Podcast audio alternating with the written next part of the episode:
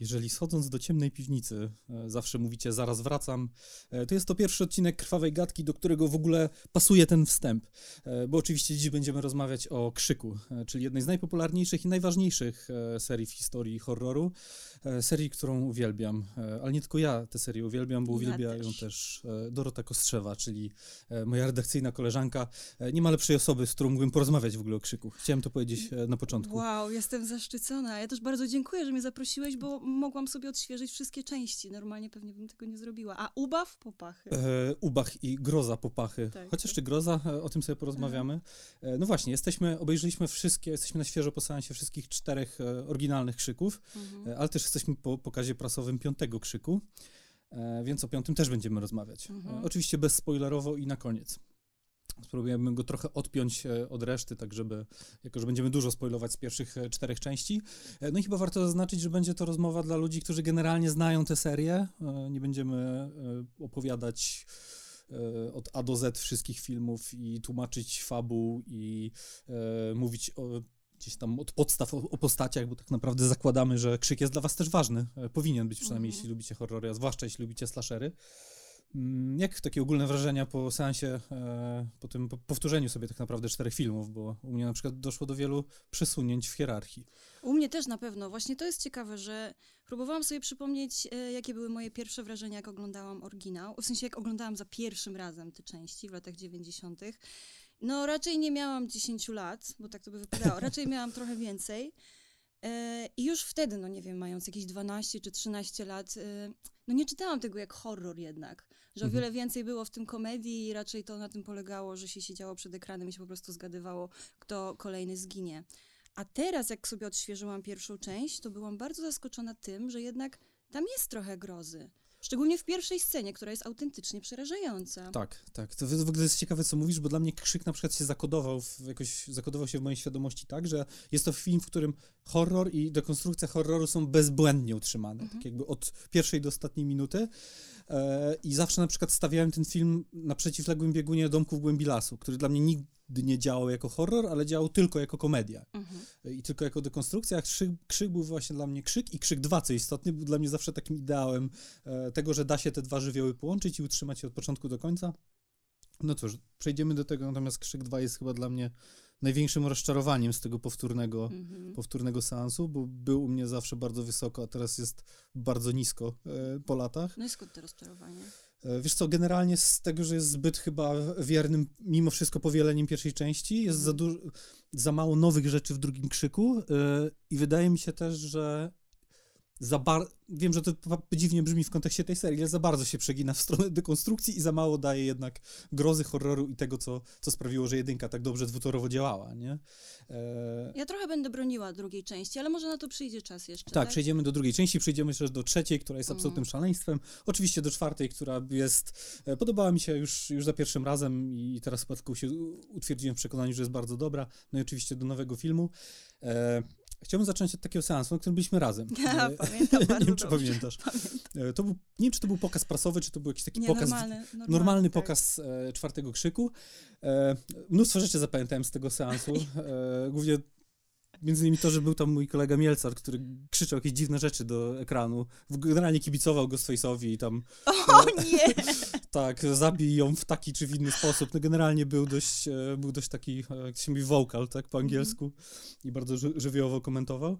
E, natomiast to, co zapamiętałem najbardziej, to jest taka, i zastanawiam się, czy, czy, czy podzielałaś te emocje, to jest to, jak bardzo się ucieszyłem, jak zobaczyłem po latach, to było chyba 11 lat przerwy pomiędzy trzecim krzykiem a czwartym, 11, jak bardzo się ucieszyłem widząc bohaterów. I jak bardzo to było szczere i jak bardzo miałem poczucie, że zobaczyłem po prostu starych kumpli. Ja miałam tak samo, ale jeszcze też wrócę do tego seansu, na którym byliśmy razem, bo ja też o dziwo pamiętam go doskonale. Pamiętam nawet, w którym miejscu siedziałam.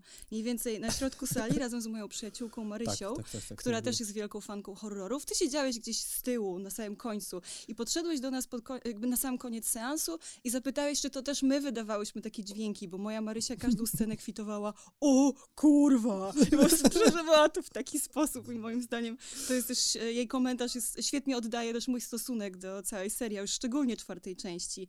No więc czwarta część na maksa mi się podobała. Fajnie było wrócić do tych bohaterów. Tam e, jest też taka scena, w której e, Dewey wstaje z łóżka mhm.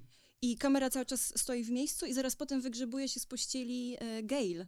I to właśnie jest taka scena, że o, jak miło, oni są tak, jednak razem. Jednak... I, że, I tak sobie właśnie wtedy uświadomiłam, że też krzyki ogląda się dla tych bohaterów, że chce się do nich wracać. Nie, nie? wiem, czy to był moment, w którym Courtney Cox i David Arquette byli małżeństwem jeszcze. Chyba tak. W czwartej części tak, byli. Tak, tak, tak, ale w, w, w, jakby w życiu.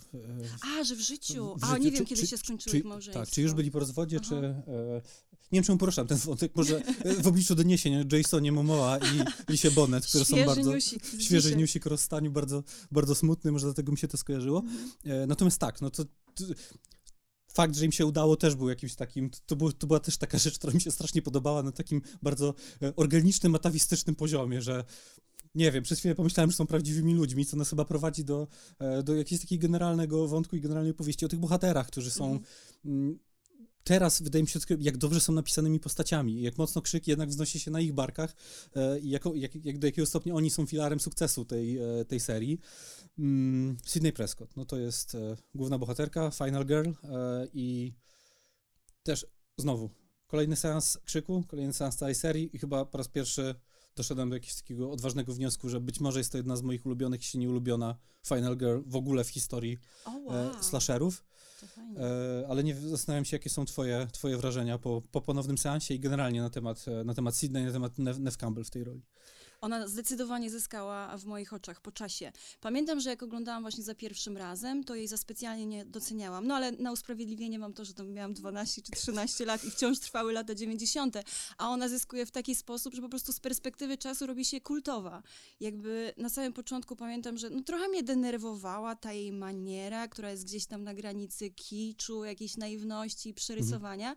No a teraz to mi się absolutnie zgrywa w całość, że w ogóle Sydney zgrywa mi się z Neve Campbell, tak jakby to była jedna osoba, jakby one nie mogły działać zupełnie osobno. Mhm. I to jest właśnie siła tej postaci, że ona tak działa fajnie na granicy kiczu i, i, i bycia ekstra. Mhm. I w ogóle jak myślę sobie o latach 90., to zawsze widzę Neve Campbell e, tak, że ona właśnie oddaje taką kwintesencję lat 90. Pamiętam mhm. też ją z Dzikich Rządz. No tak, no to, to jest kolejny taki kamień, taki jakby węgielny, jeśli chodzi o naszą edukację filmową. Świetne. Chociaż w, w Dzikich Rządzach, to, to ona tak jakby, ona nie była raczej przedmiotem Dzikich Rządz, rząd, to była Denise Richards, tam chyba mm -hmm, była, jej, tak. była jej partnerką tak, i to była, ona była hot tak jakby mm -hmm. w, mhm. tym, w tym filmie, a Neve Campbell grała tą e, tą brzydszą, w cudzysłowie, wyciszoną, got, chyba taki gotycki sznyt też tam miała, co też Ale tak, jednak naładowana jakimś czasów. erotyzmem też. Tak, oczywiście, no, który się tam rozbudzał w, mm -hmm. w pewnym momencie. E, Nev Campbell bardzo szybko w pierwszym szyku zostaje zestawiona zresztą z Jamie Lee Curtis jako takim naj, najważniejszym punktem referencji no właśnie. Z, z, serii Halloween. I to jest super ważny wątek, bo też chciałam cię zapytać, jak to jest możliwe, że, że ona się tak świetnie bije e, w, w pierwszej części.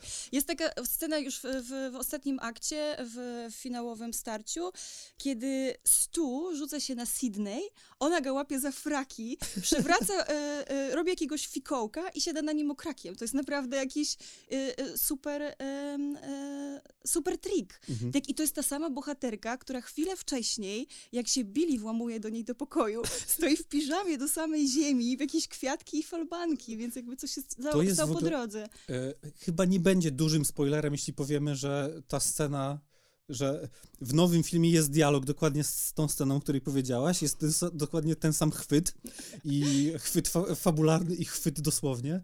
E, i tak sobie pomyślałem, e, właśnie się zacząłem stawiać, czy to nie jest jakiś trademark Sydney, że po prostu ten ruch robi bardzo dobrze, bo to robi dokładnie to samo i też finał jest taki, że po tym profesjonalnym wrestlerskim rzucie tak jakby mm -hmm. siada okrakiem na, mm -hmm. na napastniku.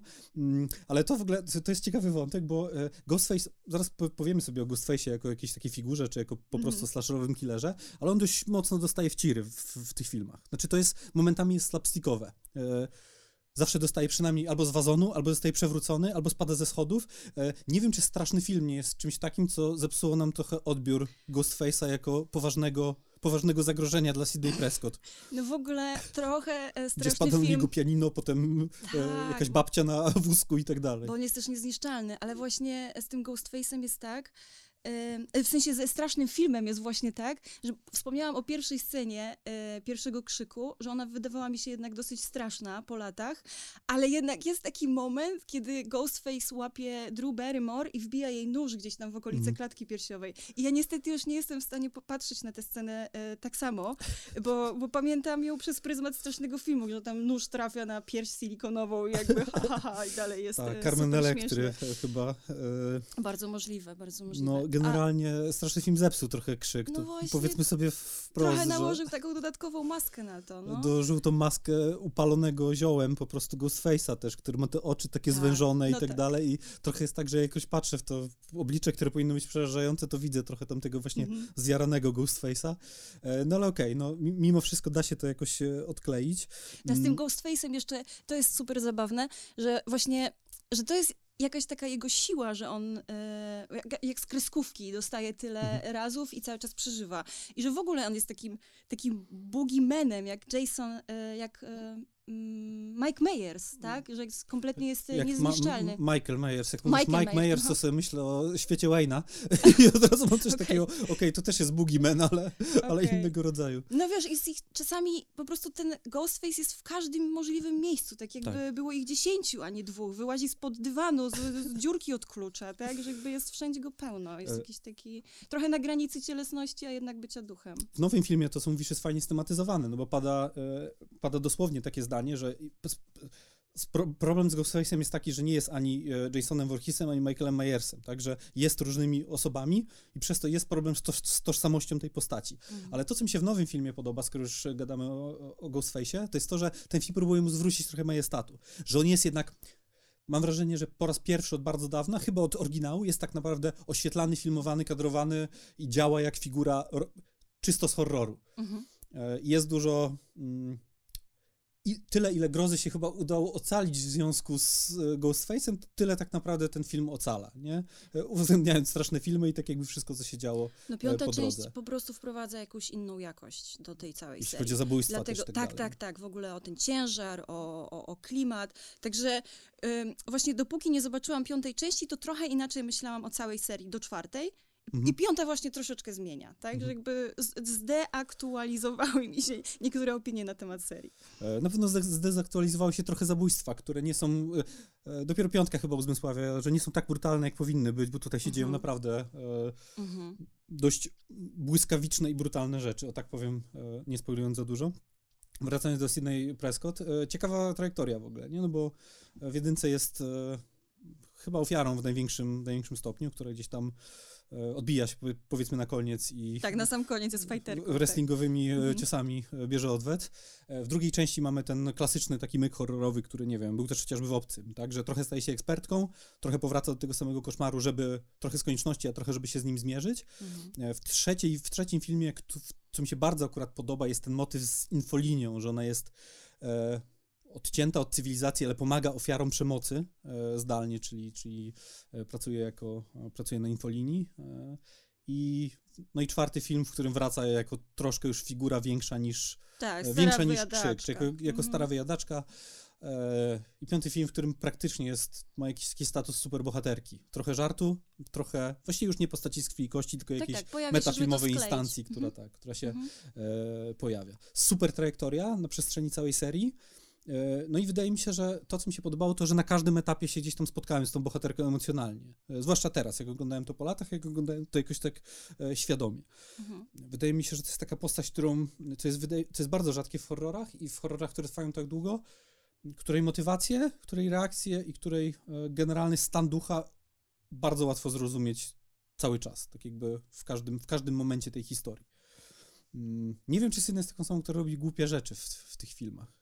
Czy robi głupie rzeczy? Chyba nie chyba jest dość. Robi głupią rzecz w dwójce, co zawsze mi się wydawało dość dziwne. Tam jest taka scena, z, kiedy ona i jej koleżanka są uwięzione w samochodzie z Ghostface'em. To jest jedna z moich ulubionych scen, opowiadaj. E, to ty opowiadaj, dlaczego jest ulubiona, to ja ci powiem, dlaczego, dlaczego to jest skandaliczne, co powiesz. O, wow! Dlaczego mi się podoba? Bo wydaje mi się, że to jest jedna z takich bardziej thrillerowych scen, no bo jednak czuć powagę. E, opowiem od początku, bo Ghostface napada na samochód e, prowadzony przez agentów, którzy mają ochraniać gdzieś Sydney. ochraniać Sydney, więc zabija ich. One są potem, potem porywa ten samochód, wjeżdża gdzieś w ścianę, jest jakiś wypadek, coś takiego, ale chodzi o to, że Sydney i jej przyjaciółka muszą się wydostać z tylnego siedzenia i, naprawdę czułam grozę oglądając tę scenę, no bo ten samochód jest y, jakąś pułapką i, i one muszą e, się prze... nie mogą otworzyć drzwi, więc muszą przejść nad Ghostface'em Tak, przez z tylniego siedzenia przez okno. na przedni. Tak, przez... i to jest takie, naprawdę oglądałam to w takim napięciu. Pomyślałam sobie, że to jest jedna z moich ulubionych scen. Znaczy to działa, i tu zgodzę się w tym, że to działa dramaturgicznie i to jest scena, w której jest na przykład fajnie budowane napięcie. Ale wydaje mi się, że jest coś out of character w przypadku, kiedy akurat Sidney Prescott ze wszystkich ludzi po pierwsze nie zdejmuje maski po drodze temu Ghostface'owi, co powinno Bo jest być... przerażona, to jest Czy usprawiedliwione. bo próbuje zdjąć i chyba wciska klakson czy coś A tak, takiego. tak, dokładnie tak. E, Okej, myślę, że jednak każdy, może nie każdy, ale na pewno Sidney Prescott spróbowałaby drugi raz. Później oddala się od tego samochodu na dobre 100 metrów i wraca do niego, żeby jednak spróbować, tak jakby, żeby jednak odkryć tą tożsamość zabójcy, po czym okazuje się, że oczywiście samochód jest pusty, co, Mhm. co nie ma sensu, a Ghostface jest już w miejscu, w którym przed chwilą była Sydney, czyli 100 metrów dalej, dźga, po prostu zabija jej koleżankę wychodząc z jakiegoś ko- kontenera na śmieci, nie? I to jest taka rzecz, której raczej, pomimo tego, że Krzyk jest serią rozbrajającą schematy, tak jakby, a może właśnie dlatego nie spodziewał mi się te, tak, tego rodzaju sceny w Krzyku. Mhm. I wydaje mi się, że Krzyk 2 trochę się składa z takich, za przeproszeniem, główien i dla, dlatego chyba mi się mniej, najmniej podoba po latach. Że trochę za wysoko musimy zawiesić niewiarę, żeby, żeby ta historia miała, e, miała sens. No nie wiem, nie, nie, jakoś tak tego nie poczułam. Po prostu odbierałam dwójkę jako jedynkę, tylko że bardziej.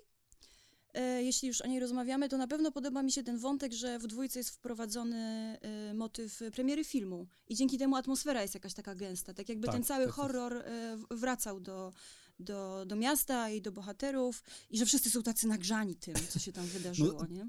odpala się w ogóle ta warstwa, ta warstwa autotematyczna na Tak, takim tak, tak. szóstym biegu już, nie? Bo wiadomo, że jedynka jest o tym, ale dwójka już zabiera to na zupełnie nowy poziom. No i Sydney jest tam gwiazdą, nie? Że jakby wszyscy już Tak, ją prawda. znają, nie jest anonimowa. To prawda. Eee, strasznie dużo się dzieje na twarzy Neve Campbell. To są, Neve, Neve Campbell, chyba tak jest Neve. Neve, Neve Campbell.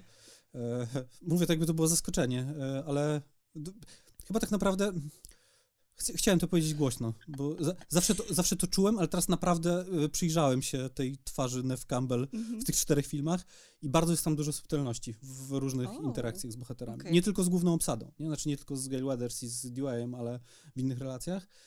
E, bardzo to jest ciekawe. I wydaje mi się, że to jest, e, wiem, że może jestem troszkę po wszystkich, jakieś 20 lat, to jest super ciekawa aktorka.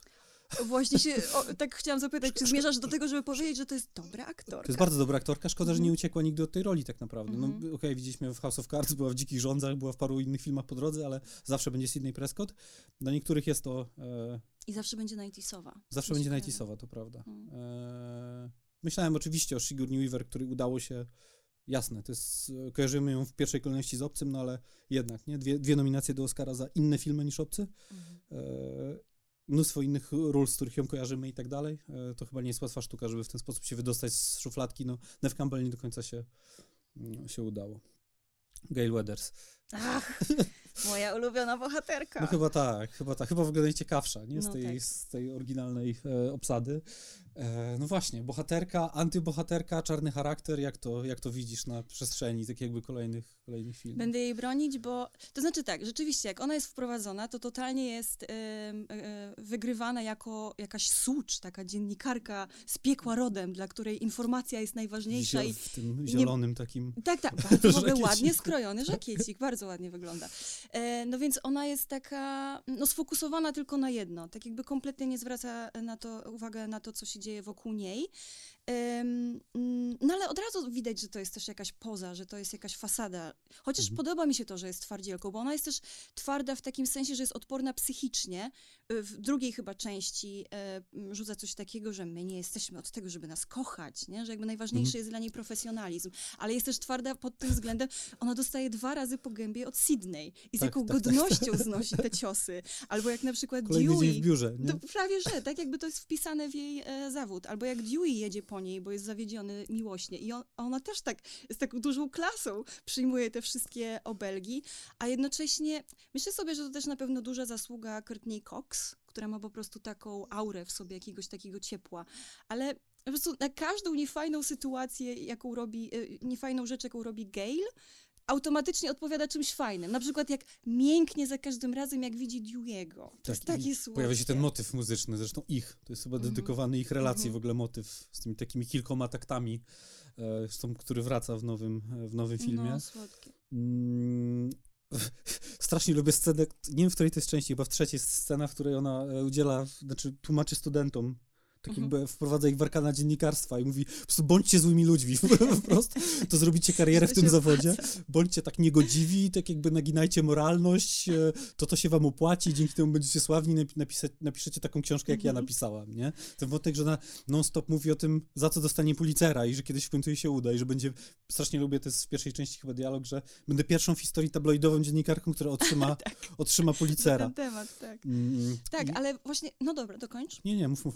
Okej, okay, no bo chciałam właśnie powiedzieć o tym, że ona też jest taką postacią, że ciągle stoi w rozkroku między swoją karierą a miłością do Dewey'ego. I, I to nie jest tak, że ona wybiera jedno bardziej albo drugie. Mhm. Ona naprawdę chce jednego i drugiego. A to, że nie wychodzi, to to jakby w praniu się okazuje. Ale że właśnie jest, jest na tyle silna, że chce mieć i to, i to. I to mhm. jest super, nie?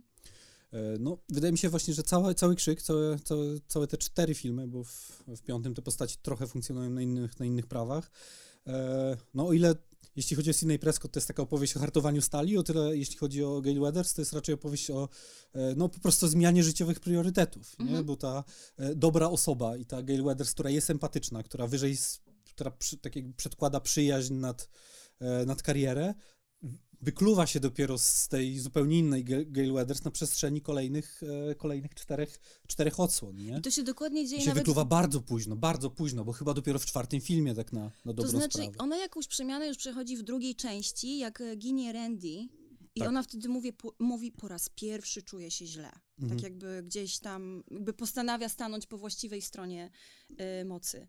Ale rzeczywiście, ale, to, ale cały czas są takie zwroty w jedną i drugą, no bo ona jest dziennikarką pełną gębą, to nie jest jej zawód. Jakby to wynika z jej charakteru, jej charakteru ona tak, po prostu tak, tak taka tak. jest. I dlatego też ją szanuję za to, że jest taka prawdziwa. Mhm. E, ten moment, o którym powiedziałeś, czyli śmierć Randiego, to jest pierwszy, pierwszy taki moment. Zresztą jest tam bardzo fajny prolog w postaci tego, że e, operator się e, z, tak jakby zwija, operator zawija, bardzo zawija słusznie, bagaże. Tak, bardzo słusznie wie, że po prostu będzie kolejną ofiarą. No tak. zginął, zginął ktoś ważny, więc operator, okej, okay, tak jakby ja wysiadam. Wie też, że poprzedni operator, tak. Neil Weathers, e, zginął. Miał poderżnięte gardło. E, wątek, e, zresztą to jest też taki, takie narzędzie, dzięki któremu jest, bohaterka jest charakteryzowana, sposób, w jaki się, e, znaczy ich, jej relacje w ogóle z operatorami, nie? że to jest coś pomiędzy e, Właściwie to jest po prostu pogarda, to nie jest coś pomiędzy czymś a czymś. Nie? Ona Niestety tam, tak, dosyć e, przedmiotowo ich traktuje. Ona jest, to, to są totalnie narzędzia w jej pracy, dosłownie, mhm. ludzkie, ludzkie narzędzia, nie? które sobie tam przestawia z miejsca na miejsce. I bardzo mi się podoba, że, że, że, ten operator w pewnym momencie mówi dość e, w dwójce i gdzieś, gdzieś znika. E, relacja z Sydney i z Deweyem jest e, oczywiście super ciekawa, bo no Sydney to jest jakiś taki rodzaj bardzo, bardzo surowej, bardzo ostrej relacji, która, która rozkwita na przestrzeni kolejnych filmów. Chyba dopiero w czwartej części jest tak, że, że we're good, nie? Że one tak jakby są e, są ziomalkami, że, są że wszystkie mhm. wydarzenia, wszystkie, wszystkie te, te, te, te, traumy i tragedie, które się mhm. wydarzyły do tej pory, scementowały ich jakąś przyjaźń. I jakby już jest, już jest oczywiste, że to jest, e, że Sydney jest jakimś priorytetem, jeśli chodzi o, e, o Gail i jej, oczywiście obok Dewey'a jest jakimś priorytetem, jeśli chodzi o jej o jej życie i o jakąś taką hierarchię wartości, tak? Natomiast przez trzy pierwsze filmy, mimo tego, że tak jak powiedziałeś, są zwroty i ona jest jakaś taka strasznie sinusoidalna, jeśli chodzi o swoją lojalność, emocje i tak dalej. E, no właśnie, no to, to nie ma takiego, to, to, to tak głęboko moralna Gail i, i Gail, która jednak poszukuje e, jakichś takich wielkich abstrakcji w życiu, mimo wszystko jest dość schowana, nie? Pod tą Gail mhm. dziennikarką, która, która oczywiście jest o wiele bardziej fotogeniczną postacią i też o wiele fajniej się e, ogląda. E, Dewey. Mhm. To jest wow, nie? To w ogóle. nie wiem nawet czego zacząć z Deweyem, ale chyba, chyba po prostu wszystko się sprowadza do tego, jak, jak, jak, jak świetny w tej roli jest David Arquette. Mhm.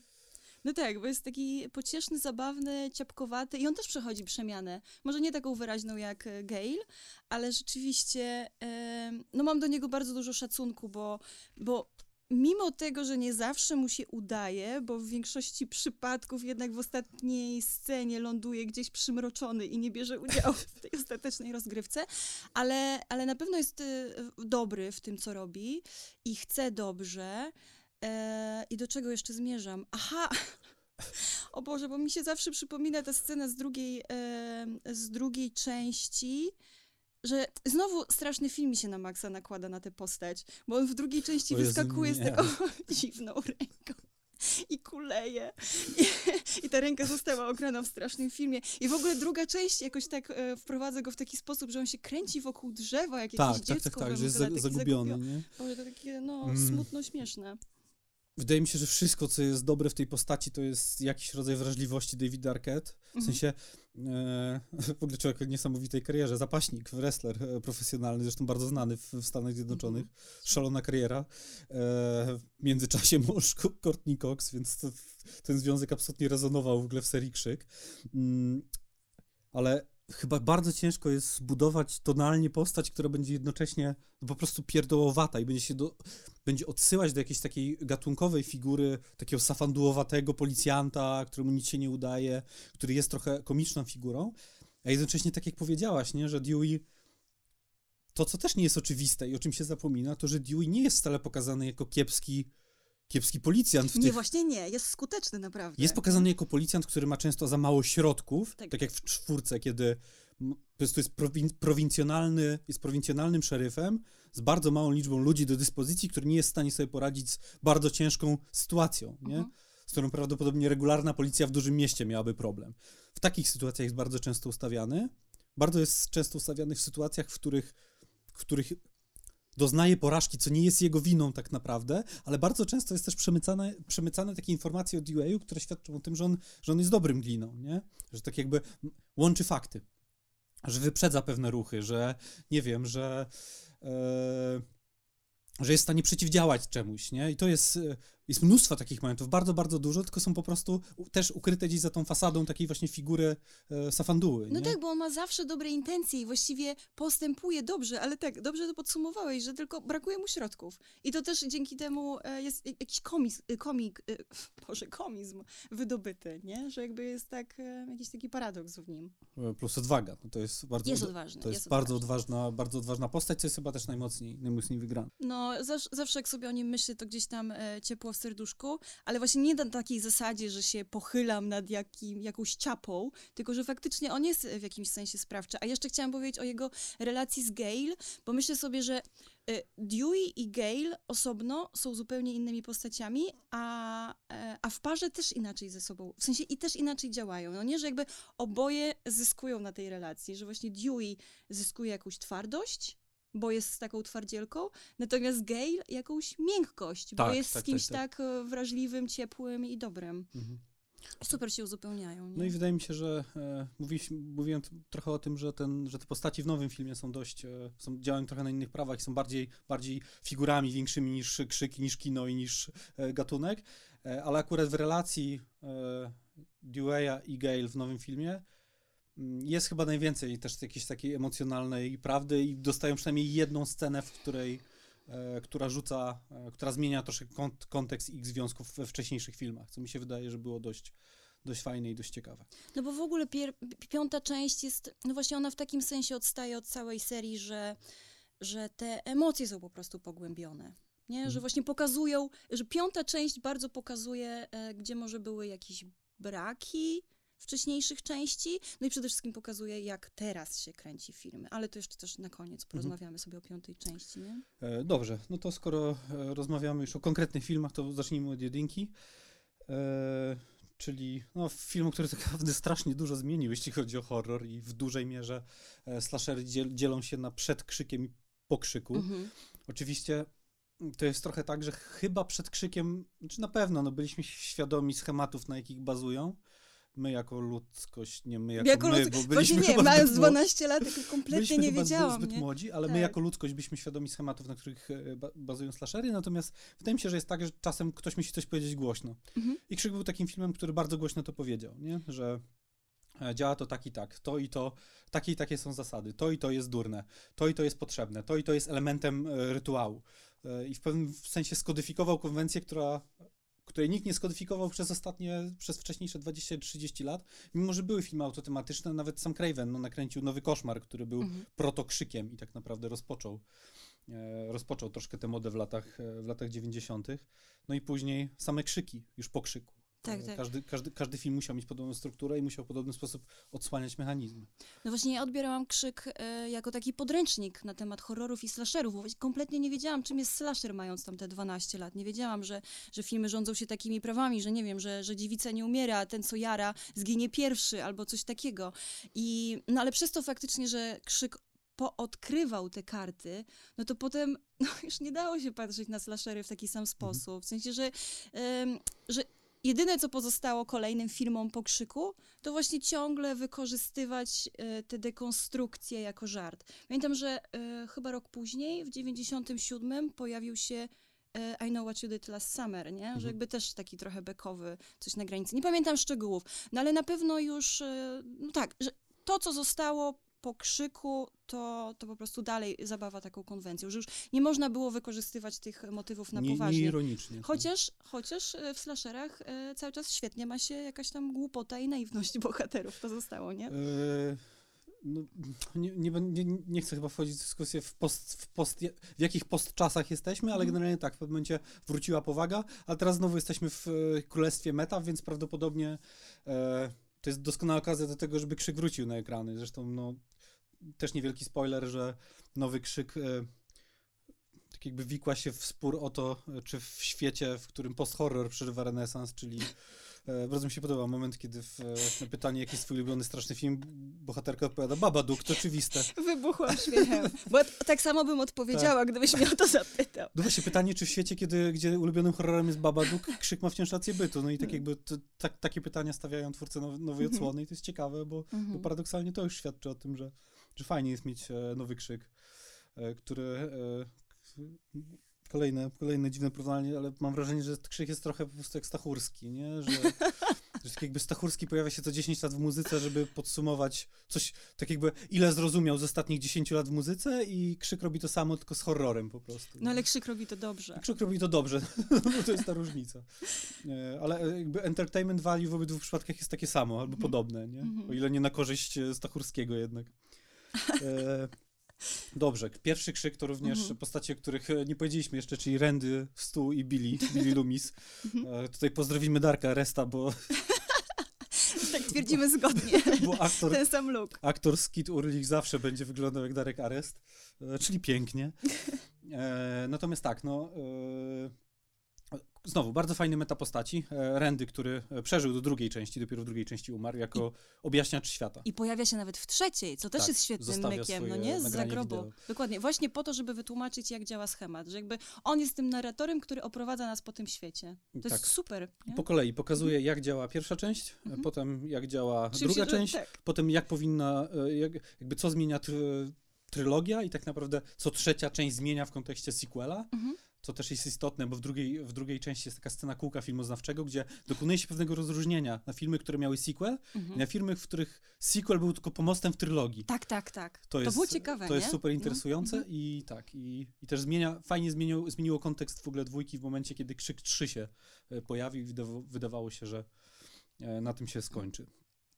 E, w czwartej części chyba nie ma nic związanego z Randym, o ile dobrze, no nie, właśnie nie dobrze pamiętam. Właśnie w czwartej części rolę Randy'ego przejmują e, znowu jest Chyba dzieciaki DKF po jest, wszyscy, tak. jest szkolny DKF, tak. tak. E, no dobrze, Randy jest e, super, e, kocha się w Sydney skrycie. E, zresztą w czwartej części dochodzi do fajnego obrócenia tego wątku, no bo a, tak jak tak, powiedziałem, tak. będziemy spoilować, no, zabija, tak. zabija siostrzenica Sydney, Emma Stone, kuzynka, sorry, Emma, Emma Roberts. Roberts. Emma mhm. Roberts. To było dziwne, gdyby Emma Stone była kuzynką Neve Campbell i zabijała. E, Emma Roberts zabija e, razem ze swoim kolegą i tak jakby są lustrzanym odbiciem sytuacji z mhm. pierwszej części. Jej kolega to Stu, to, to Randy, a, a ona tak, jest, chce być nową, mhm. nową Neve Campbell, czyli nową Sydney Prescott. I jeszcze mówią, że to jest ta wersja scenariusza, w której Randy zdobywa dziewczynę, czyli w której ten nerd, geek i tak dalej e, jest z Sydney na końcu. Prawie. No tak, no nie, Randiemu się nie udało, więc jakiejś nie, takiej zdeformowanej, Ale w czwartej części też nie, no bo jednak... No tak, no ginie, jednak nie? okazuje się, że ginie i zostaje, mhm. i chłopak zostaje cynicznie wykorzystany przez, e, przez Emma Roberts. E, Stu, czyli inny dru, druga strona medalu tego samego filmoznawczo-gikowsko-nerdowskiego, czyli jeden z morderców. Mm. E, nie wiem jak ty, ale ja w ogóle kocham Matthew Lillarda. Ze wszystkich tych e, aktorów lat 90., z tej, tej takiej paczki właśnie Sarah Michelle Gellar, Ryan Philippi, Freddie Prince Jr., zawsze jakoś najwięcej ciepła miałem w stosunku mm. do niego. Może dlatego, że jest, cały czas jest super zabawnym gościem, no jest, ile się dzieje na jego twarzy. Eee, nie da się tego ogarnąć. Może dlatego, że zagrał Szegiego w Scooby Doo? O, tak, faktycznie. A może dlatego, że po prostu, nie wiem, jest coś w jego twarzy, to jest absolutnie, jest tam jakaś psychoza i jest to bardzo, jest to taka twarz, która przywołuje jakiś taki rodzaj komedii, który bardzo lubię. Mhm. E, super. I w tym filmie też jest absolutnie ekstra. Szarżuje w ogóle bardzo, nie? Jest chyba najbardziej szarżującym aktorem w, w całym filmie. I jakoś to pasuje, bo właśnie przypominam sobie, jak oglądałam pierwszy raz Krzyk i w jakim byłam szoku, że to są mordercy, że jest ich dwóch, to tak. po pierwsze, że to Billy zabija, a przecież cały czas podejrzenia na niego padają, więc to tak można zrobić, że jakby ten, którego najbardziej podejrzewasz jest mordercą. Było super ciekawe. No i właśnie yy, i, i, i Stu, który jest takim śmieszkiem, że jakby też mi kompletnie to nie pasowało do tego mordercy. Ale potem w rozwiązaniu oczywiście widać, że on jest po prostu śmieszkiem psychopatą. I to ma sens. Tak, ma dwie genialne linijki w, w ostatniej scenie, czyli jak już terroryzują w kuchni Sydney. Pierwsza to jest, że Your mother wasn't exactly Sharon Stone. O, tak! A tak się zachowywała, nie? A tak się zachowywała, co jest, e, to jest super. I druga to jest, e, no oczywiście, kurde, chyba za mocno mnie dźgnąłeś, pewnie, za mocno mnie dźgnąłeś, chyba umieram. I to jest coś takiego, co też no z jednej strony rozbija tę sytuację, a z drugiej podkreśla jej grozę, bo to jest chyba mhm. najbardziej przerażająca scena po, po prologu, druga w tym filmie. E, I wydaje mi się, że to są też, że te dwie sceny pokazują dobrze na jakich biegunach był rozpięty krzyk i dlaczego działał. I dlaczego cały czas dobrze działa, bo powiem szczerze, że po latach nie jestem w stanie powiedzieć złego słowa o pierwszej części. Ja też nie. Ja, jako jedy, prawdopodobnie jako jedynej z, z całej serii. A pamiętasz, jak Stu ginie? Bo to też jest świetna meta. Sydney zrzuca na niego telewizor, w tak. którym jest akurat Jamie Lee Curtis z Halloween, więc tak jakby one we dwie go zabijają. Tak, tak, tak, no, tak. No, to jest fantastyczny moment, zresztą inny moment z tym telewizorem, to oczywiście jak, jak Randy tłumaczy zasady, a potem leży na kanapie i krzyczy Odwróć do Jamie Lee Curtis, żeby się odwróciła, a sam jednocześnie powinien się odwrócić, żeby zobaczyć, mhm. zobaczyć zabójcę, więc też kapitalna scena. E, no i w ogóle ten moment, o którym nie wspomnieliśmy, w którym Randy tłumaczy zasady, no to jest absolutnie ikoniczny, e, ikoniczny fragment i mhm. E, to jest chyba taki moment, który... Pamiętasz jakby, zasady? Pamiętam zasady w miarę, tak. Wiem, że to oczywiście dziewictwo, oczywiście nie mówienie zaraz wracam. Coś jeszcze było chyba, nie? Było, było, na pewno. Były trzy, przynajmniej trzy. Zasada trójek. A dlatego on przeżywa, pamiętasz?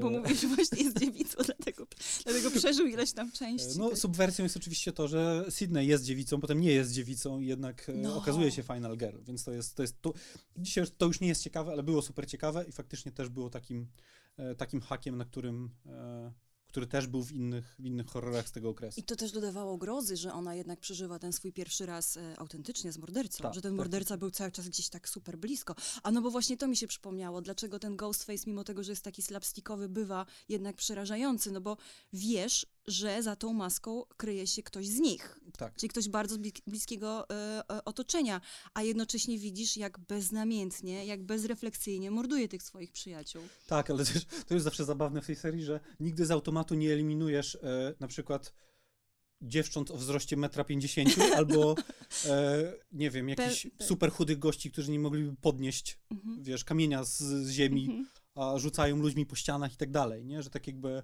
te osoby cały czas są w kręgu podejrzanych w każdej, w każdej części, mm -hmm. jest absurdalne z punktu I widzenia. sprawiedliwe. Tak jakby czego by nie mówić, zawsze Ghostface ma swój wzrost, ma swoją wagę i tak jakby pewnych rzeczy prawdopodobnie możesz się domyślać, nawet jeśli mm -hmm. walczysz o życie i gdzieś tam uchodzisz z tym życiem ledwo, nie?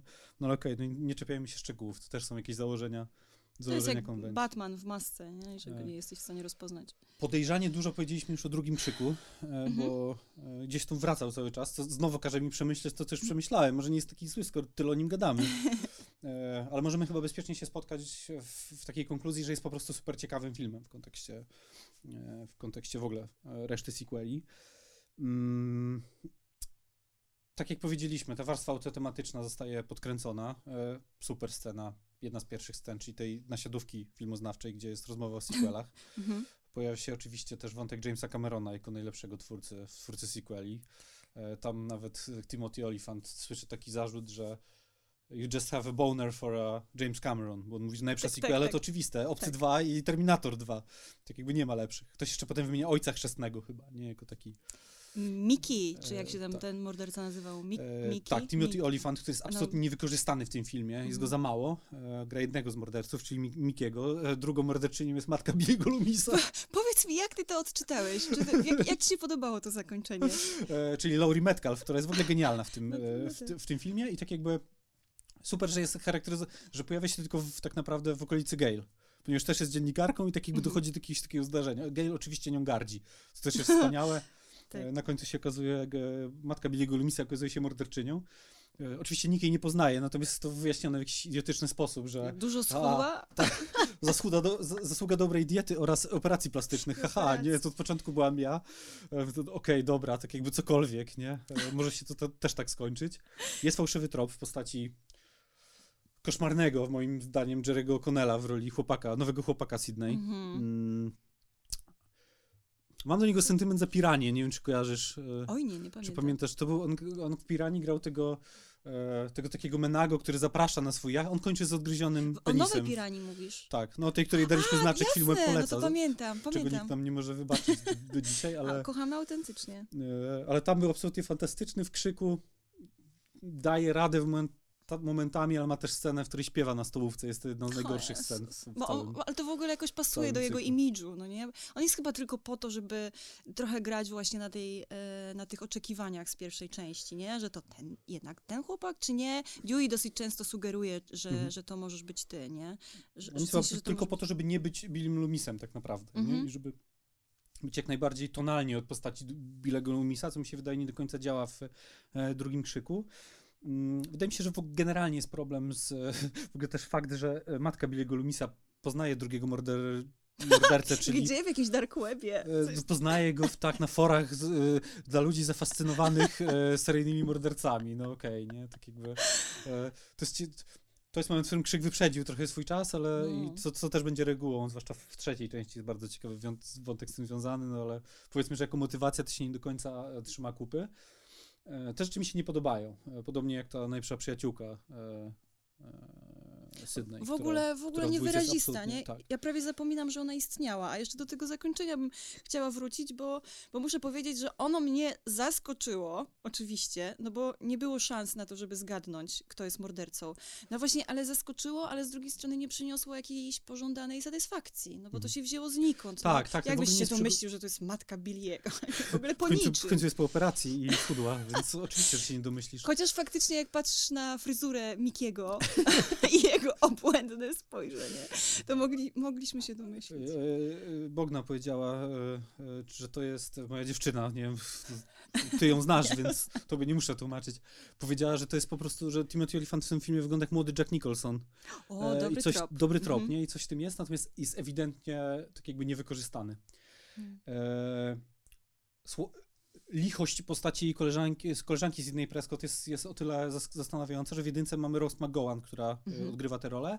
E, Jest powiązana, super powiązana z fabułą, bo to jest e, siostra e, Dewey'a, która się z niego nabija. która się z niego nabija. Pamiętasz, że Dewey mówi do niej, mama zabroniła ci się tak do mnie odzywać, kiedy noszę odznakę. tak, to, to jest ten Dewey jeszcze w tej najbardziej takiej safandułowatej wersji, No. ale to jest super, nie? że tak jakby prze, jest takie połączenie i to też fajnie tłumaczy, dlaczego relacja Dewey'a i Sydney jest tak, tak dobrze wygrana, jest w niej tyle ciepła, jest w niej tyle Mhm. troski, Mhm. to też mnie zawsze rozczula, że moment, w którym się widzą na przykład w kolejnym filmie po raz Tak, pierwszy jest rzucają super. sobie w ramiona. Mhm. Rzucają się sobie w ramiona, jest to ekstra. Jest to ekstra, ekstra wygrane, zagrane przez, e, przez e, Neve Campbell i przez David Arquette. Super umocowany w scenariuszu właśnie, między innymi przez postać e, Rose McGowan w jedynce i bardzo fajnie rezonuje w kolejnych filmach. To, co mi się podobało z kolei w dwójce, to jest cały wątek Sydney w teatrze. Zawsze mi się wydawało dość cheesy.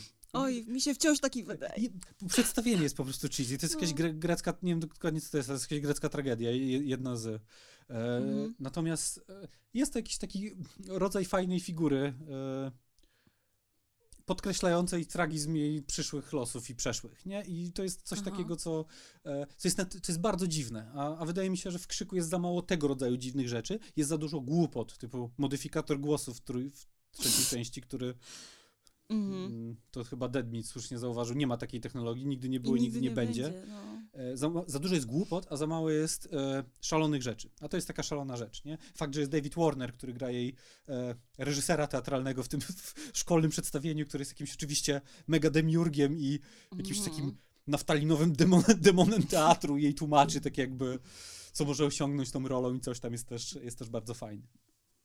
E, no i Sara Michelle Gellar, którą zawsze fajnie było zobaczyć na ekranie w latach 90. E, A tak, pogromczyni wampirów, tak? Pogromczyni wampirów mhm. i Cruel Intentions mhm. i oczywiście e, wiem, co zrobiłeś tam I Know What You Did Last Summer, nie pamiętam. Koszmar minionego Ko lata, tak, taki tak, był tak. taki był tytuł oryginalny. E, Wiesz co, myślę sobie jeszcze o takiej rzeczy, której, e, o której jeszcze nie powiedziałam, a pierwsza e, jakby tutaj może być dobry moment, bo myślę sobie o tym, ile kobiecej energii jest w krzyku. Mamy mocną Gail, mamy mocną Sydney mhm. i wszystko zaczyna się też od matki. To jest, to jest super ciekawe. Właśnie już pomijam to, co się dzieje z matką w trzeciej części, zaraz do tego pewnie dojdziemy, ale sam punkt wyjściowy, że się to, że że wychodzi od matki i problem polega na tym, że Sydney w jakimś sensie dziedziczy piętno po tej matce. Mhm, tak, jakby stąd tak, te tak. morderstwa wokół Sydney się toczą, że właśnie to tak jakby jakby ona jej przekazywała jakieś piętno, nie? Mhm. A i w ogóle jest w piątej części właśnie jest taka scena, w której naraz na ekranie w bardzo kluczowym momencie jest pięć kobiet. Mhm. I to się rzadko zdarza. I to, to jest o tyle ekstra, że nie ma w tym żadnego manifestu że krzyk jest o tyle właśnie fajny, że jest cały czas nawet większość kobiet, a w życiu nie powiedziałbyś, że to jest fuj, kobiece kino. Nie lubię tego określenia, ale... Kobiece, tak, tak, tak, w cudzysłowie. Że jasne, to nie jest, nie? to nie krzyk by, nie ma znaczenia, nie? Że to mhm. są kobiety. Tak, tak, tak, nie, no to jest, e, ten wątek w ogóle, o którym powiedziałaś, to jest strasznie dziwne rzeczy się z nim dzieją na przestrzeni kolejnych filmów, nie? Na przykład on w trójce wraca w jakiejś tej kos koszmarnej formie, nie? Że, Koszmarne. Że e, nagle, znaczy ciekawej, to zaraz o tym powiem, przejdziemy sobie do trójki, ale w formie, która chyba podminowuje pierwszą część, podminowuje postać Bilego Lumisa, co jest, e, co jest dość słabe, bo to jest mhm. chyba najmocniejszy killer tak mhm. naprawdę w całej e, serii. E, no i wydaje mi się, że, że nie za dobrze działa. Nie? Oczywiście to jest wpisane w tą opowieść, że trójka musi wracać do jedynki, musi tak jakby podważać wiedzę, którą już tak, mamy i musi tak. redefiniować coś, co wydarzyło się w przeszłości. No tak natomiast, mówi Randy. Tak mówi Randy, a Randymu trzeba wierzyć, natomiast no, nie, nie działa to za dobrze w, w Krzyku 3. Mhm. E, ostatnia rzecz o dwójce, którą chcę powiedzieć, mhm. e, ostatnie dwie, to jest chyba najnudniejsze zabójstwa, najmniej jakieś takie, nie wiem, ciekawe i dające fan w całej serii. E, nie ma tam... Muszę sobie przypomnieć, jakie tam były morderstwa. To już o czymś świadczy. A, wiem, właśnie, Buffy zostaje wyrzucona z terasu. Buffy o zostaje wyrzucona. straszne. Tak. E, Buffy zostaje wyrzucona z tarasu, no jest ta scena w samochodzie, powiedzmy, mhm. jest... Mhm. E, E, no właśnie, jest Randy, który zostaje wciągnięty w to ciężarówki, jak się okazuje, no. przez matkę Bille Golumisa, ona to zdradza no w finale, A, tak, co jest dość wątpliwe, biorąc pod uwagę, że znowu jest od niej dwa razy cięższy przynajmniej. Mhm. E, no ale okej, okay, no może jak po prostu zakładasz ten kostium Leatherface'a, dostajesz, dostajesz jakieś supermocy. I na koniec postać, o której chciałem powiedzieć, bo nam troszkę łączy dwójkę z trójką, czyli Liv Schreiber jako A, Cotton Weary jedna chyba z najbardziej niedocenionych postaci w tej, i ról w tej, w tej serii. No, Moim zdaniem to jest w ogóle, jako postać jest doskonała, mhm. jako postać e, domniemanego mordercy matki Sydney, który zostaje e, uniewinniony, wychodzi i tak jakby w ramach rekompensaty chce zyskać sławę, mhm. więc to, to jest wątek, który mi się w drugiej części bardzo podobał. Non-stop, znaczy prześladuje Sydney i namawia ją do wywiadu. Mhm, tak. Do wywiadu u, Di u Diane Sawyer, do której mają wspól wspólnie pójść. No i to właśnie, że on ją tak namawia jest, jest coś, jest takiego dwuznacznego, bo on ją w sensie ma inne intencje, a wydaje się, że, że za nią łazi, bo jest tak. jednak prawdopodobnie mordercą albo chce się zemścić. I on, on jest też taką fajną postacią, że teoretycznie on jest bardzo taki naiwny, dobry, wrażliwy, ma jakąś taką dziecięcą wrażliwość w sobie, mhm. prawie że, a jednocześnie właśnie trudno go rozszyfrować na początku, tak jakby pod jego, jeszcze pod skórą coś mu tam pulsowało, dlatego on jest tak na granicy, jakby, że wzbudza cały czas jakiś niepokój, no nie? Że jest mm. tak fajnie zbudowaną postacią. E, no i też dużo nad, nadekspresji tam w jego grze jest, nie? Że to jest taka rola naprawdę na wysokim C i to, te, to też mi się strasznie podobało. Plus finał, w którym on bierze udział, się bardzo podoba, gdzie...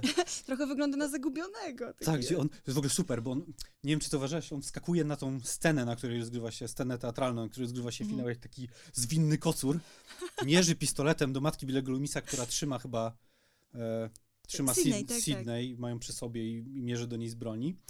I w momencie, kiedy zaczyna tak, tak jakby okrążać, okrążać tę dwójkę, to potyka się o jakiś, jakiś nie wiem, jakiś element scenografii czy czegoś takiego i musi złapać równowagę.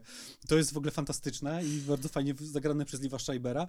No i potem to rozstrzygnięcie, że ona praktycznie nic nie robi, tylko zgadza się na ten wywiad i w tym momencie super precyzyjnie strzela do matki Billiego no Lumisa i kończy. Mhm. E, I tak jakby zamyka, zamyka cały temat. Także bardzo fajna postać. E, no i tu już płynnie przechodząc, postać, która zostaje uśmiercona w pierwszej scenie trzeciego krzyku z kolei. Mhm. Z wykorzystaniem Chryste, e, modyfikatora głosu, który zawsze był w tej serii, ale tutaj po prostu polega na tym, że głosy wszystkich bohaterów są wgrane do tego. Tak, właśnie w jakiś dziwny sposób. Jest, no. on ma wszystkie nasze głosy, jakby wiesz, skąd, nie? Tak jakby posiadał ich duszę, co ma jakby tak. jakiś taki metaforyczny sens. Jak to zrobił? Nie? Okej, okay, nie ma czegoś takiego, jest to durne. Jest, trójka jest pełna chyba najdurniejszych rzeczy. Najdurniejszych rzeczy w całej serii, najbardziej mm. wątpliwych rozwiązań fabularnych. Mm -hmm. Tonalnie jest w ogóle all over the place, no bo tak, totalnie bekowe, masz ten nie? dziwny gotyk na końcu, jest, jest, jest satyra na Hollywood, Cały mhm. czas jest kontynuowany wątek filmu, więc mamy, mamy ten, ten taki założenie fabularne, że bohaterowie, prawdziwi bohaterowie wydarzeń spotykają się z, z aktorami, co nie działa w większości przypadków poza Parker Posey, która jest super jako Gail Weathers, jako druga Gail Weathers. Tak, tak. I tak wątek, fajną mają relację ze sobą. tak, i wątek, że one mają swoje, w obrębie tego filmu, one mają swoje prywatne śledztwo, w którym no tak. tak. jakby rywalizują o to, kto, która jest lepszą Gail Weathers. Jest tak. absolutnie fantastyczny. Mm, nie wiem, no co myślisz? Kurczę, no ja... Cały czas to dla mnie nie jest dobry film, ale chyba spojrzałem na niego troszkę cieplejszym okiem teraz, jak, jak, jak go sobie powtarzałem. Może trochę cieplejszym, no bo teoretycznie schemat jest ten sam, ale faktycznie ten wątek um, dopisanej historii matki Sydney jest jakiś taki bez należytego szacunku, coś mi się wydaje. Naprawdę nie wiem, nie chcę jakoś wchodzić głęboko w to, bo wolę w ogóle o tym bez, nie, nie Bez szacunku dla matki Sydney i bez mhm. szacunku mhm. dla Billiego Lumisa. No właśnie to tak, to też jest ciekawe, co powiedziałeś. Rzeczywiście, A. że odbiera jakąś sprawczość Billiemu, nie? Odbier tak, tak, tak. A, mhm. matce, a matkę Sydney wpisuje w kolei w bardzo dziwną, toksyczną narrację o tym, że... E, Wiedziała, na co się pisze. Jest nie, coś takiego też w tam. Tak, że, że takie jakby pragnienie kariery i, wy, i molest, wykorzystywanie seksualne, którego padło ofiarą, jest przyczyną tego, że była seksualnie rozwiązła a, to też jest jakby to, to w gruncie rzeczy doprowadziło ją do zguby, co jest no kosmicznym założeniem. Tak. To jest w ogóle film wyprodukowany przez e, Mira Marx, czyli przez Harveya.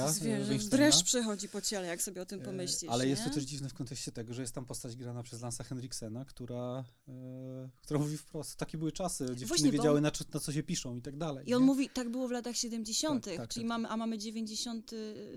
Mamy przełom wieku, 2000 no, takiego. To jest, to jest no i, i, to, i to właśnie mi prowadzi do takich dwóch refleksji. Albo to było tak powszechne i Harvey Weinstein po prostu nawet nie, wiesz, jakby to się znalazło poza jego radarem, nie wiem, jakby wszyscy uznali, że to jest coś naturalnego.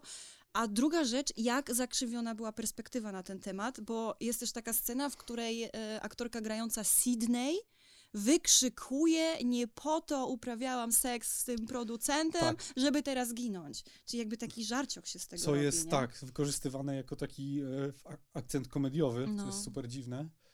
E, Emily Mortimer w ogóle w nią gra, to też jest słodkie, mm. że mnóstwo jakichś aktorów, których widzieliśmy później w, w dużo lepszych rolach mm. się tutaj pojawia. E, bardzo fajna scena chyba pościgów e, na planie na planie wewnątrz planu, czyli...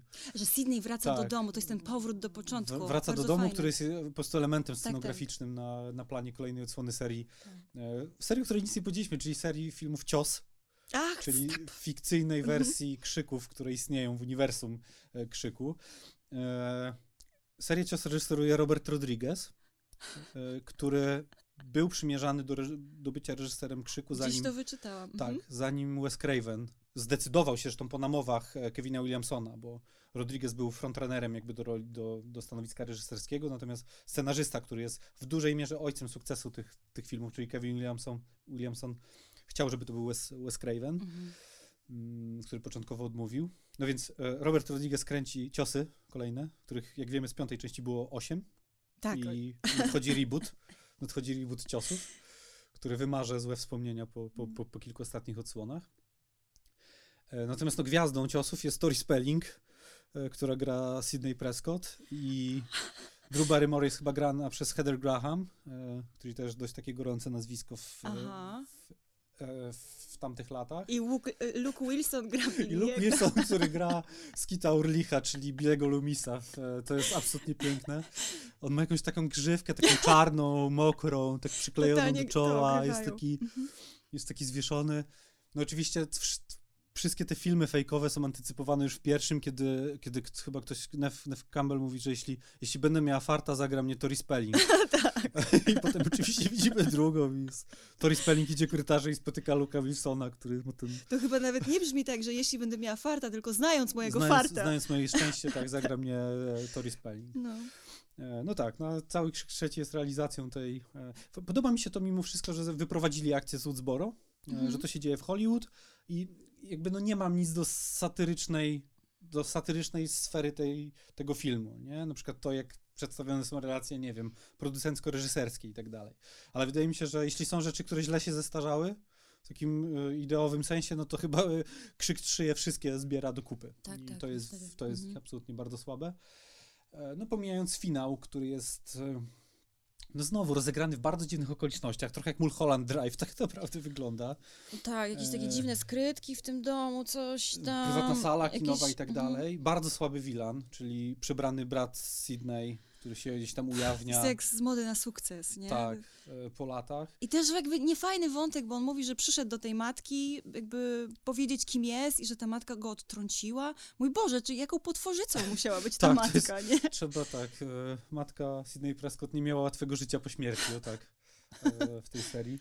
No i Patrick Dempsey, który nie zapominajmy też tam Oj, jest, jest. Tak, przez chwilę zapomniałam. Jest piękny i dziwny. I tak niewykorzystany, chociaż na sam koniec rzeczywiście okazuje się, że jakiś tam romans między nim a Sydney jest, ale no tak żałowałam. Mało, mało. E, mm. Jest mało Patryka Dempseya i jest, jest, okay. jeszcze mniej jest tak naprawdę Sydney Prescott, która przez dwie trzecie filmu chyba siedzi w, w swojej samotni, a, tak, gdzieś z dala od cywilizacji mhm. i udziela porad i chyba jest jedna scena, jak rozmawia z Deweyem przez, przez telefon. Mhm. E, I chyba dość ciekawe rzeczy się też dzieją w ogóle pomiędzy Deweyem a, a, a Gate w trzeciej części, jeśli chodzi o, o ich relacje i jakieś takie ewolucję ich związku. To, to tyle, tyle można temu mhm. filmowi oddać. E, resztę, reszty nie można. Jeszcze tylko jedna anegdota. Mhm. Na koniec Jacek Sobrzyński miał bardzo fajną sytuację na Krzyku 3 w kinie na premierze. Czekał w kolejce Jacek Sowczyński, czyli nasz wspólny znajomy, redaktor Nuance.net też żeby wszyscy wiedzieli, czekał na e, premierę filmu, to było jak studiowaliśmy i po prostu ktoś przebiegł przez hall kina, jak ludzie stali w kolejce, krzycząc, kto zabija. Nie!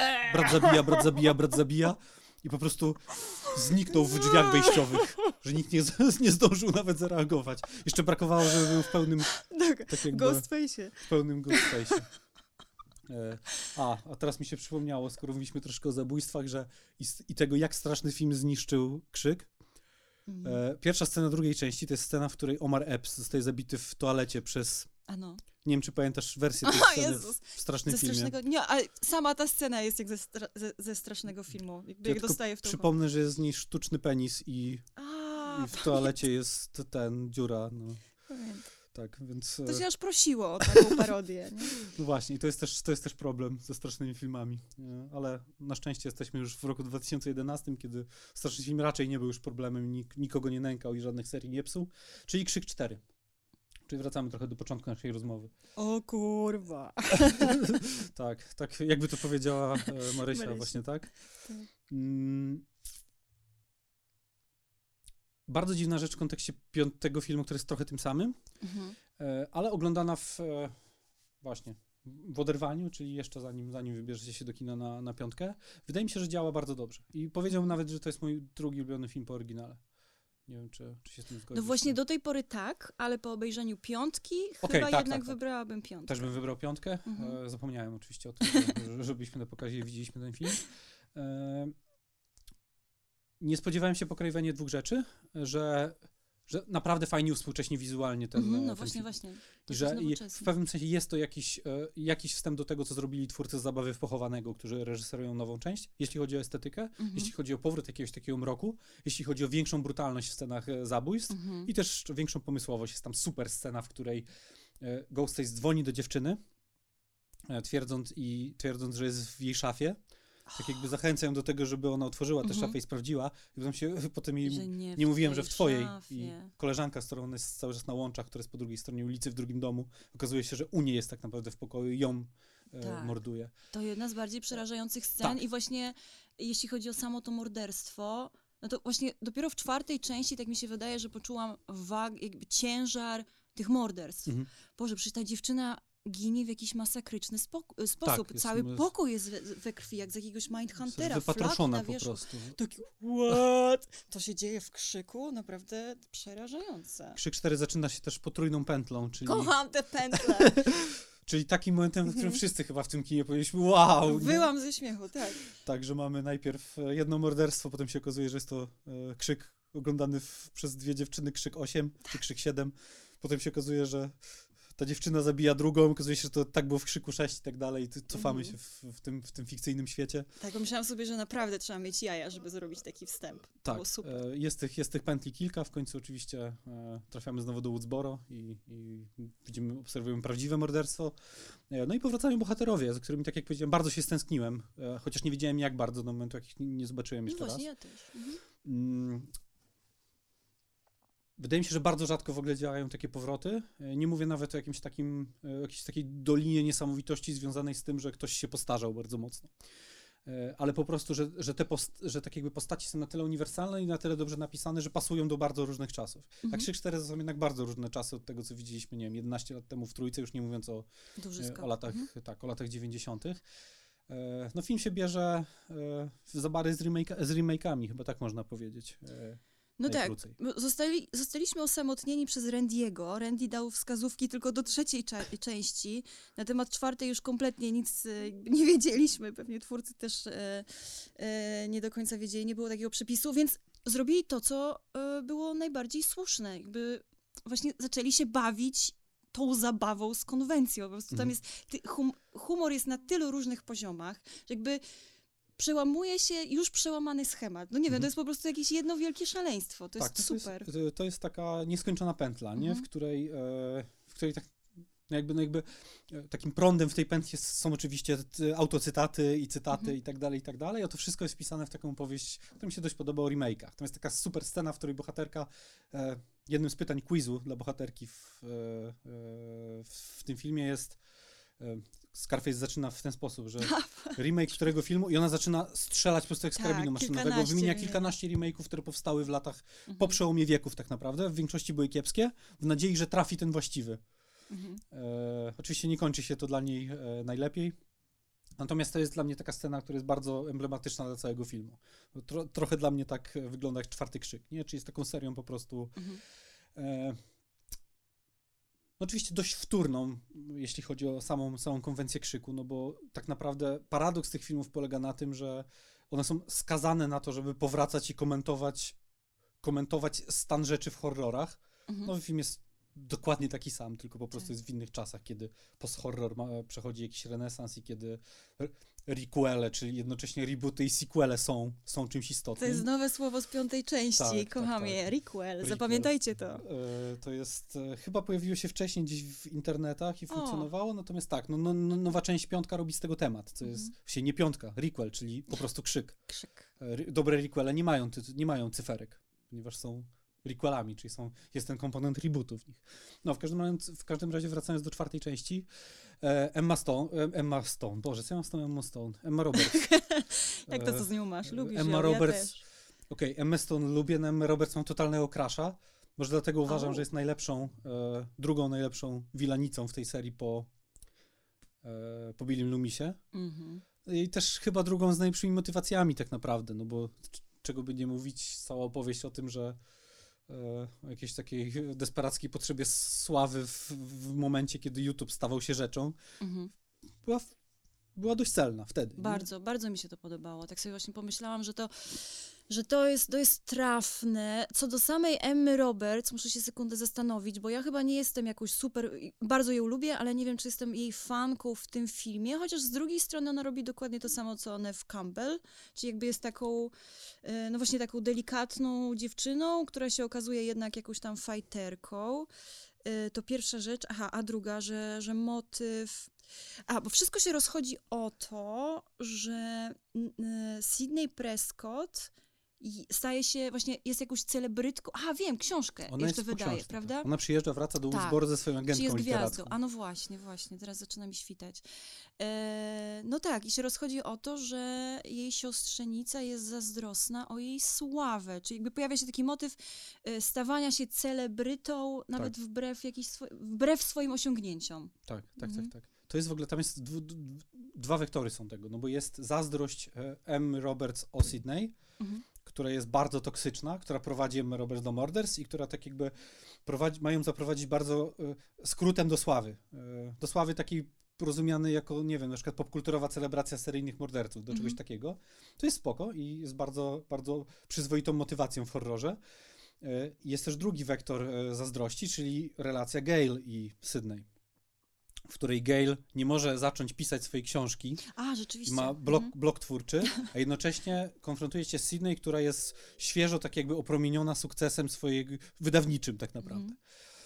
I oczywiście to jest, to jest zazdrość, która zostaje, to jest właśnie też ten moment, w którym chyba Gail Weathers tak naprawdę pokonuje gdzieś tam samą siebie i przedkłada jednak przyjaźń nad te, nad te niskie e, emocje, uczucia i spycha gdzieś tą zazdrość. To po prostu... A, I ona też wraca wtedy do dziennikarstwa. Tak, tak, tak. tak że ona sobie zdaje sprawę, ważne. że jednak w tym jest najlepsze. Że jednak to, jest, to jest dla niej tak jakby mhm. kluczowe i że to, to będzie robić. To jest super moment i wydaje mi się, że jeśli chodzi w ogóle o relacje Sydney i, e, i Gail Weathers, to tylko po to dla mnie mógłby powstać e, Krzyk 4, mhm. który tak jak no, powiedzieliśmy, oprócz tego jest e, całkiem, całkiem fajnym filmem.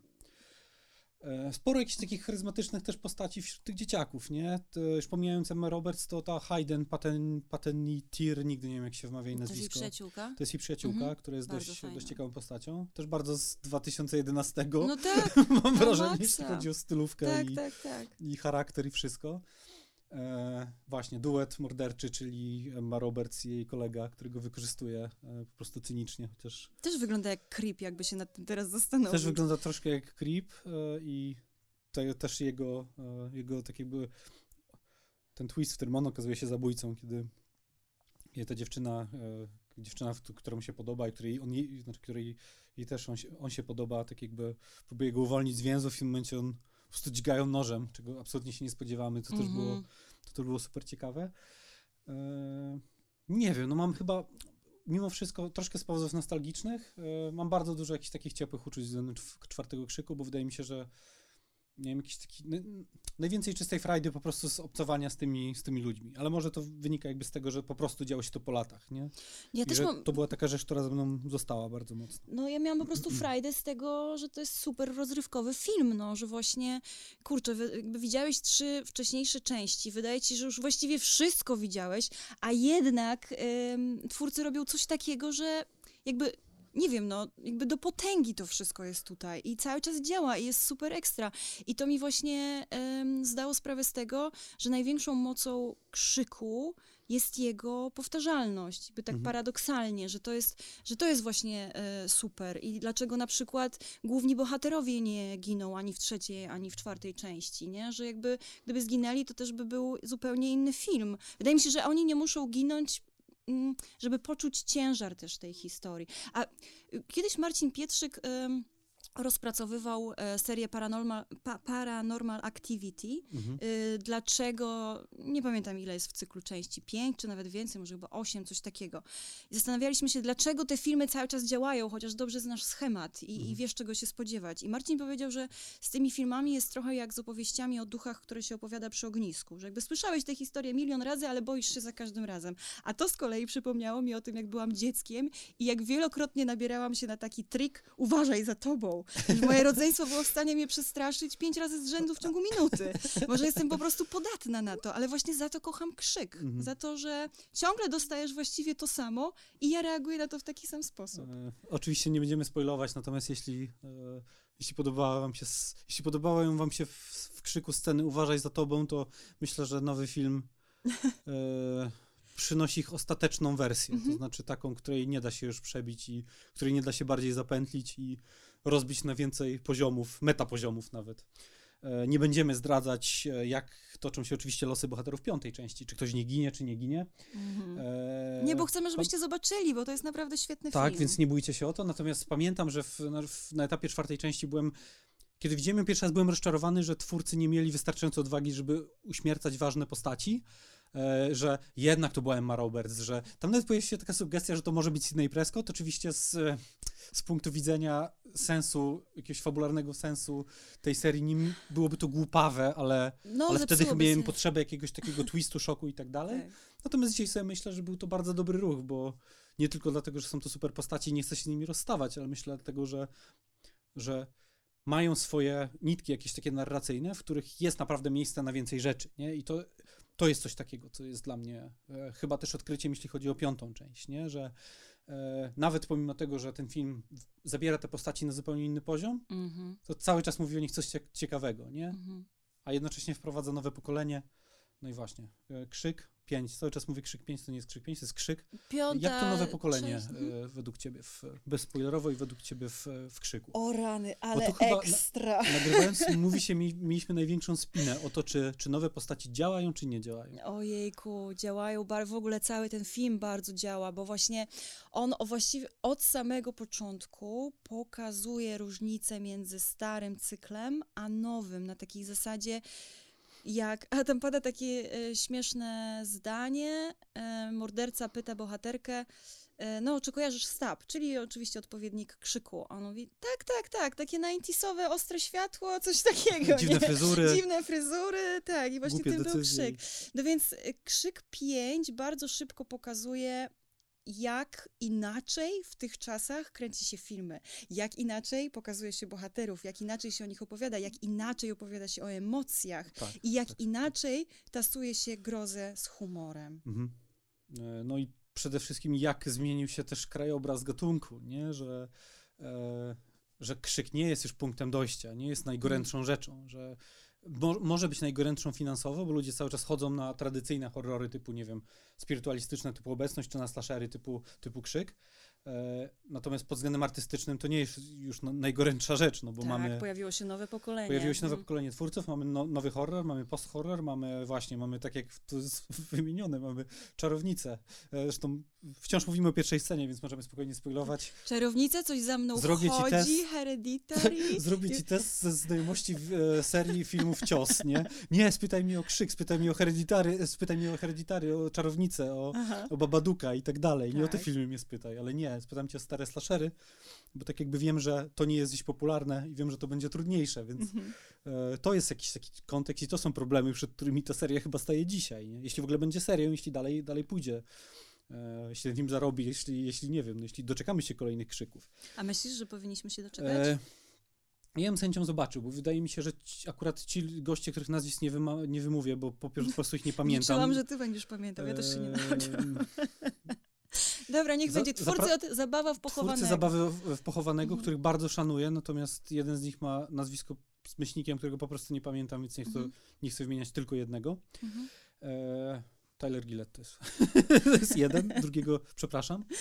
Mm, no wydaje mi się, że to są ludzie, którzy mają takie poczucie, takie wyczucie e, właśnie mm, i wyczucie ironii e, i jakieś takie wyczucie tego, jak łączyć e, grozę z humorem, jak sprawić, żeby te obydwie konwencje się nie znosiły nawzajem, tylko na siebie pracowały, no że w pewnym sensie były, by, by, byli po prostu idealni na stanowisko reżyserów krzyku.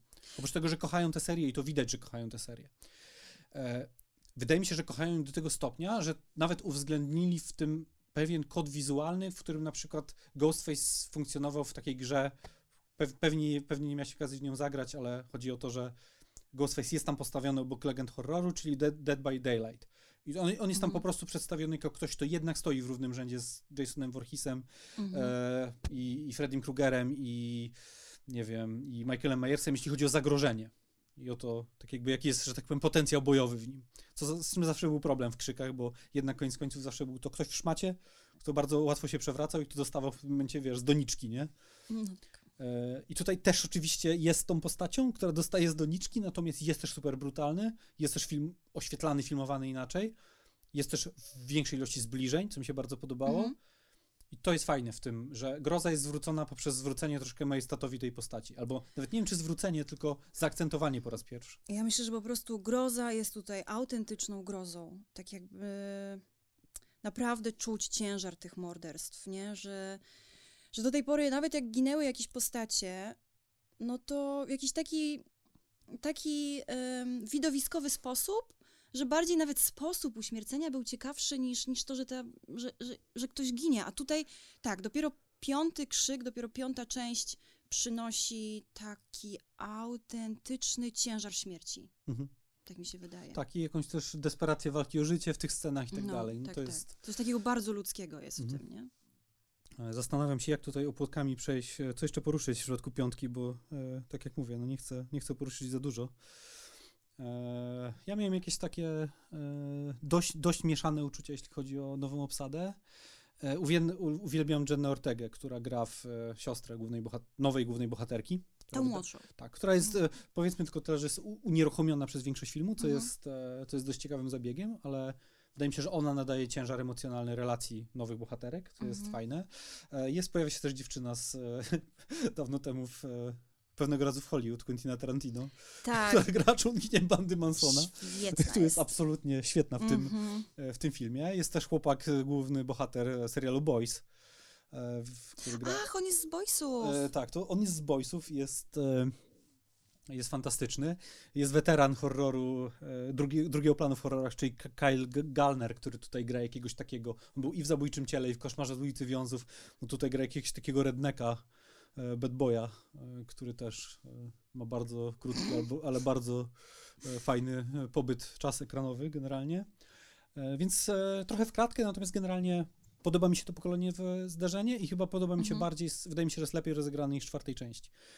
Bo to, co piąta robi, to, to co piąta robi generalnie jest dość podobno do czwartej, jeśli chodzi o strukturę, nie? Że znowu mamy zdarzenie pokoleniowe, znowu mamy powrót bohaterów do, starych bohaterów do Woodsboro. Wydaje mi się, że po prostu piątka wie, o wiele więcej rzeczy nazywa, nie? Że tam to jest wprost powiedziane.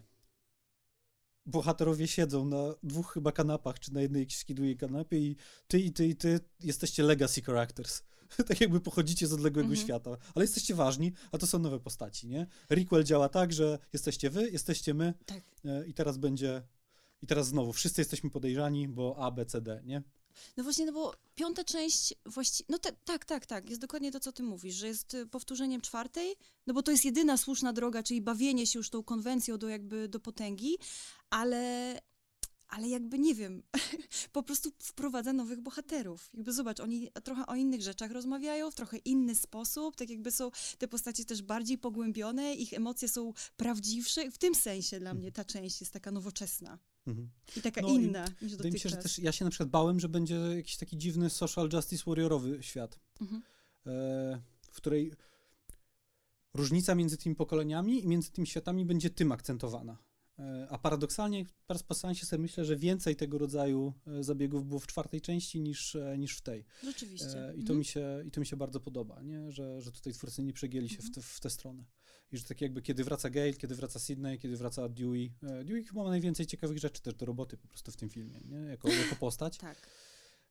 Że oni nie są, tak jakby, że nie są scharakteryzowani przez to, że się odkleili od rzeczywistości. Co wydaje mi się dość ciekawe. E, to chyba polecimy wszystkim krzyk nowy, nie? No Polecamy, jest... polecamy, obejrzyjcie, jeśli, ale właśnie, chyba jednak trzeba znać serię, nie? Właśnie, to jest to pytanie, nie? Czy requel, e, czy defini w definicji requela nie jest to, czyli rebootu i sequela, że mhm. równie, e, że jakby pełen dostęp powinni mieć do niego też ci, którzy nie znają serii. A Jeśli to... tak, to ten film absolutnie nie spełnia tego, tak. nie spełnia tych założeń, tak, nie zdaje myślę tego sobie, egzaminu. że tak, ktoś świeży jednak nie, nie będzie się tak dobrze bawił, nie? No, do, to, to, jest, to jest oczywiste. Bardziej, czy w ogóle będzie się bawił jakkolwiek, nie? Czy to jest taki film, który... Bo on ma niby jakąś mhm. ekspozycję, zresztą do, dość ciekawą, ponieważ w formie quizu. E, wyjaśnia dużo relacji, tak jakby e, pokazuje na czym gdzieś tam, gdzie przebiegały jakieś linie dramaturgiczne pomiędzy bohaterami wcześniej. I to jest ok. Natomiast wydaje mi się, że robi to w niewystarczająco e, ciekawy i precyzyjny sposób, żeby, żeby, jed, żeby, żeby jednak mhm. zachęcić nowych widzów. Mhm. Więc jeśli kochacie krzyk, Koniecznie. Chyba nie masz się nad czym zastanawiać. Jeśli lubicie również, jeśli nigdy nie widzieliście żadnej części krzyku, to obejrzyjcie, to obejrzyjcie przynajmniej pierwszą. Przynajmniej pierwszą. Przynajmniej tak. pierwszą, bo E, requele też często są po prostu, bez, tak jak w przypadku Halloween, bezpośrednimi sequelami e, jedynki. -hmm. I wydaje mi się, że te filmy też by dobrze działały, gdyby, gdyby tak się stało. Gdyby -hmm. gdzieś po drodze ktoś wy, wymazał dwójkę, trójkę, czwórkę i, i, po prostu e, zaprosił bohaterów znowu do Woodsboro po ilu?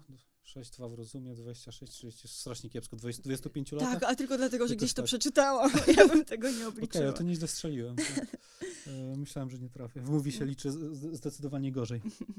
E, dobra, to zachęcamy Was i do całej serii, i do piątki, generalnie do wszystkiego. Być może tak jak my zakochacie się w, w tych bohaterach i w serii Krzyk. E, dzięki wielkie za ja e, rozmowę. To był kolejny podcast z cyklu Krwawa Gadka i tradycyjnie już nie obiecuję, co będzie w ostatnim, w następnym odcinku. Mam nadzieję, że nie będzie ostatni. Musiałem coś naprawdę zepsuć. Chociaż obejrzałem ostatnio, nie wiem czy widziałeś Egzorcystę 3. nie. Śmiej się, to jest dobry film. Nie, nie wierzę. Okej, okay, nie jest dobry, inaczej. Jeszcze krótko o Egzorcyście 3, skoro, skoro już zacząłem.